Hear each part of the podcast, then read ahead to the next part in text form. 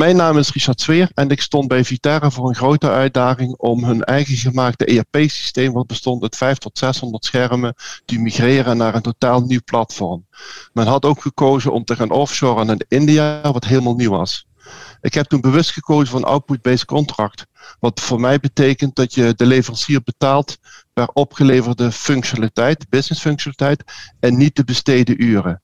Ik heb toen naar een model gekeken om het project te monitoren en het contract ook te, te monitoren. Echter, in de markt kon ik geen model vinden. Zelfs Safe, waar ik naar gekeken heb, geeft duidelijk aan dat uh, bij inzet van Scrum en Safe het beter, sneller, goedkoper en tevredener gaat. Maar ik kon daar geen enkel metriek in vinden die daar een bijdrage in leverde. Ik heb daardoor een eigen model ontwikkeld met 40 tot 45 metrieken die automatisch iedere sprint gemeten wordt.